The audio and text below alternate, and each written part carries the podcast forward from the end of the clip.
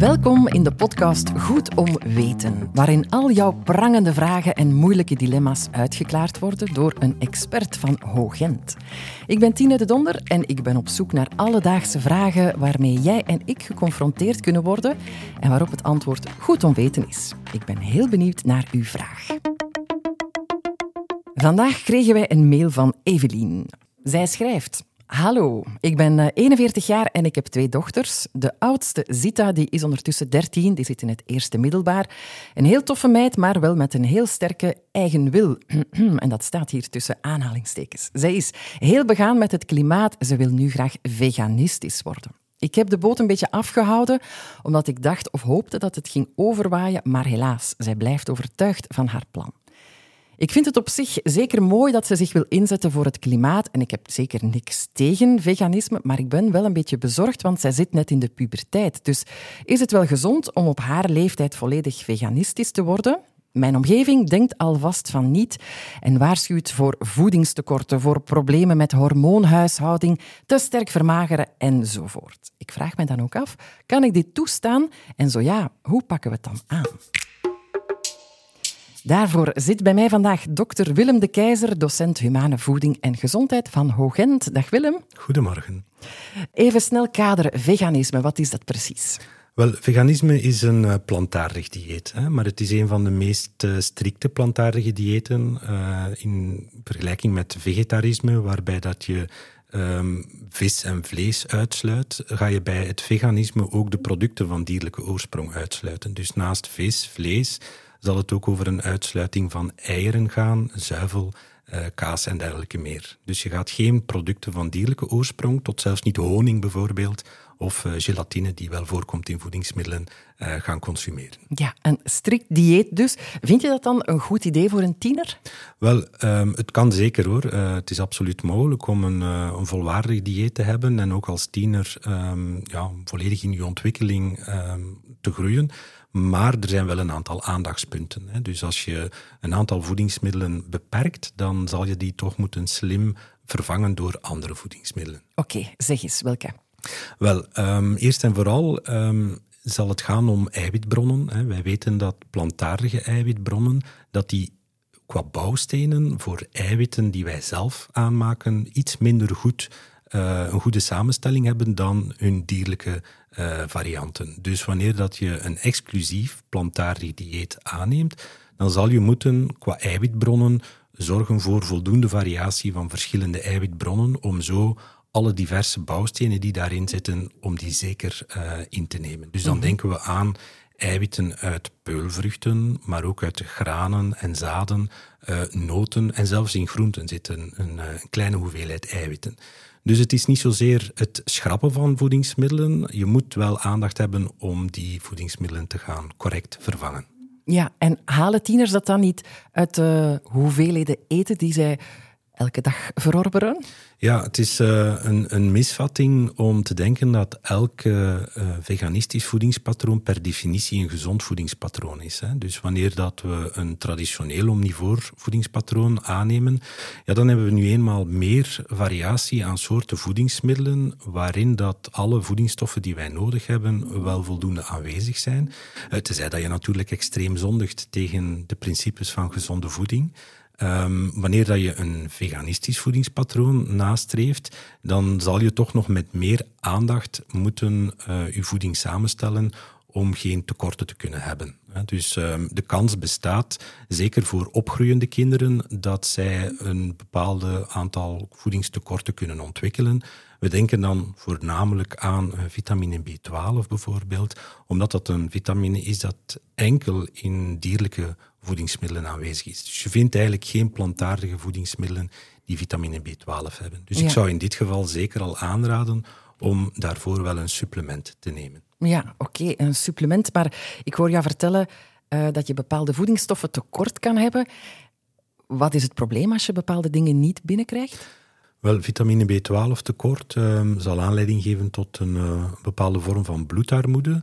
En ja, dat gaat zich manifesteren in vermoeidheid bijvoorbeeld, uh, te weinig aanmaak van rode bloedcellen, wat dus belangrijk is voor onze zuurstoftransport. Hè. Dus je zal vermoeid worden En eventueel ook bleek zien door andere tekorten. Ja, maar Willem, die tieners die zijn toch allemaal vermoeid en die zien er toch allemaal een beetje bleek uit. Ja, vandaar dat dus een, een eventuele bloedanalyse wel zou kunnen helpen om dat zeker uit te sluiten dat er toch geen echt tekort is. Um, en om bijkomend advies te vragen om eventueel het, uh, het voedingspatroon wat bij te sturen. Ja, nu Evelien die schrijft ook, het gaat over haar dochter, 13, die zit eh, midden in de puberteit. Um, die zegt, mensen waarschuwen mij voor problemen met hormoonhuishouding. Kan dat? Is dat anders een jongen of een meisje?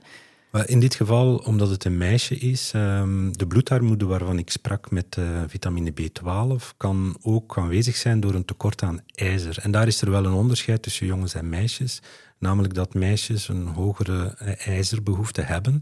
En dat plantaardige voedingsmiddelen die rijk zijn aan ijzer, dat dat ijzer moeilijker door ons lichaam kan opgenomen worden. Dus dierlijke eiwitbronnen die ijzer bevatten, die leveren heel goed eh, ijzer aan en dat kunnen we gemakkelijk opnemen. Voor plantaardige eiwitbronnen ligt dat wat moeilijker.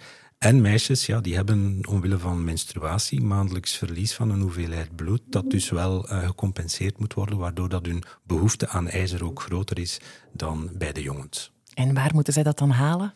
Ja, zij moeten dat halen uit uh, ijzerrijke plantaardige voedingsmiddelen. Uh, dat zullen dan vooral granen zijn, volkorengranen bijvoorbeeld. Um, ja, noten, uh, granen, zaden, dat zijn eigenlijk de voornaamste bronnen van ijzer. Oké. Evelien die schreef ook dat ze bang is dat haar dochter te veel gaat vermageren. Is dat ook een optie, een gevaar? Wel, een, een veganistische voedingspatroon, dat zien we ook bij volwassenen, um, gaat typisch minder energie aanleveren, omdat die vaak veel voedingsvezel bevatten en sterk verzadigend zijn. Dus uh, je zal minder energie innemen en de meeste veganisten zijn magerder dan, uh, dan omnivoren. Bij kinderen of uh, kinderen in ontwikkeling is het wel belangrijk om dat gewicht toch in de gaten te houden, zodanig dat er geen ja, tekorten optreden. Um, het gewicht is een belangrijke indicator uh, en zegt iets over de voedingstoestand, de algemene voedingstoestand van, van het kind. Dus uh, zou toch moeten een normaal gewichtsverloop blijven behouden, ook al eet ze dan veganistisch. Ja, dat is natuurlijk wel moeilijk met tienermeisjes om zoveel te praten over gewicht. Ja, absoluut. Het zal een uitdaging zijn uiteraard, hè, om ja, die toch wel een zeer andere levenswijze toe te passen. Ja, dat denk ik ook. Nu, Evelien die schrijft ook dat ze van haar omgeving hoort, vrienden en familie denk ik dan, die daar misschien vragen bij hebben, die zeggen, je mag dat niet zomaar toestaan, je moet haar eerst grondig laten onderzoeken op tekorten. Denk jij dat ook? Wel, ik denk niet dat zij, wanneer dat zij correct gevoed is, al geconfronteerd zal zijn met tekorten. Um, ik denk ook dat je het perfect kan, kan toestaan, maar het is wel belangrijk om je goed te laten begeleiden. Dat kan uh, zijn via professionele um, hulpverlening. Een diëtist bijvoorbeeld kan daarbij helpen. Uh, maar je kan natuurlijk ook zelf heel veel opzoekwerk doen en je vindt daar ook heel veel informatie uh, over. Um, maar je zal ja, eventueel geleidelijk aan moeten beginnen met een aantal aanpassingen te doen. Hè. Bijvoorbeeld van gerechten die je kent, die je eenvoudig kan omschakelen naar een, eh, een veganistisch alternatief. En ja, met de tijd samen dan in het gezin uh, op zoek gaan naar nieuwe recepten, uh, andere culturen waarin dat ook al voedingsmiddelen gebruikt worden die vegan zijn. En uh, er zijn ook wel wat producten op de markt, commercieel beschikbaar, die het logo vegan hebben, die je kan gebruiken als uh, vervangproducten. Hè. Maar er zal dus wel een, een, een looptijd zijn om ja, geïnformeerd te geraken over wat kan ik nu het beste doen. Ja, Willem, vind je het eigenlijk een goed idee? Zouden meer tieners dat moeten doen? Wel, er zijn natuurlijk verschillende motieven om te kiezen voor een plantaardig dieet. Uh, ik heb begrepen dat het hier gaat over het, uh, het klimaat, de duurzaamheid. Ja, ja, ja. Um, absoluut is dat uh, ja, een, een verdienstelijke actie. Hè. We moeten allemaal waarschijnlijk onze gewoontes wat, wat bijstellen, willen we in harmonie blijven leven met onze planeet. Dus um, ja, ik kan dit wel, wel toejuichen. Alhoewel dat je natuurlijk ook kan kiezen voor uh, vleesvrije dagen of voor een uh, deeltelijk vegetarisch voedingspatroon, wat dus ook wel al een, uh, een enorme impact kan, kan hebben. Het hoeft daarom niet het, meest, ehm, het, verregaand, het meest verregaande plantaardige dieet te zijn, veganisme. Ja, maar die Zita die wil dus ook geen eieren, geen melk, geen yoghurt. Veel lekkere dingen eigenlijk, die ze gaat schrappen. Ja, en voor jongeren zal het natuurlijk niet eenvoudig zijn om, ja, zij komen in verschillende sociale omstandigheden terecht waarin dat er ja, misschien weinig alternatieven gaan zijn. Um, ik denk dat het belangrijk is als, als ouder dan om daar ook wel over te praten en, en aan te geven uh, dat uh, elke weg naar vegetarisme of veganisme een eigen weg is met, uh, met tegenvallers en, en, en meevallers. En ja, om, om, om te vermijden dat iemand zeer obsessief en extreem daarmee bezig wordt en dat eigenlijk zeer perfectionistisch wil invullen, um, dat lijkt mij uh, minder aangewezen. Dus accepteer ook dat je in een ja, door vlees of dierlijke producten gedomineerde wereld zoals vandaag het niet altijd gemakkelijk zal zijn om die keuze te maken. Ja, maar dat is misschien net de taak van tieners om uh, de wereld proberen te veranderen. Absoluut, absoluut. Ja. Oké, okay. Tot slot Willem, wat is jouw conclusie? Mag Evelien haar tienerdochter Zita nu toestaan of niet om veganist te worden? Wat zou jij zeggen? Wel, ik zou het daar zeker toestaan. Hè. Um, ze geeft al aan dat ze het waarschijnlijk toch zal doen. Hè. Dus dan zou ik het als ouder proberen zo goed mogelijk uh, te ondersteunen. Uh, erover praten, ze ook betrekken bij de bereiding en de aankoop van voedingsmiddelen thuis, samen op zoek gaan naar informatie en uh, recepten bijvoorbeeld. Um, het voorlichten en voorbereiden denk ik dat wel heel cruciaal is. Um, en wanneer dat je merkt dat het uh, lichaamsgewicht of de algemene conditie, hè, dus uh, het gaat over vermoeidheid bijvoorbeeld, als die symptomen zouden optreden, en je maakt je zorgen, dan zou ik zeker niet nalaten om bij een huisarts bijvoorbeeld te gaan en daar toch eens een, een, controle te doen. Net omdat het zo lang duurt vooraleer dat je bepaalde tekorten ook opmerkt. Dus om daar dan tijdig te kunnen op bijsturen. Maar steun en positiviteit, dat zou ik zeker vooraan zetten. Oké, een mooie positieve boodschap om mee af te ronden. Dankjewel, Willem de Keizer. Ik vertel er graag nog bij dat als jij meer wil weten hierover, dan kan je terecht op www.hogent.be slash goed. Dit was een podcast van Hogent. Elke maand beantwoordt een expert een vraag van een luisteraar.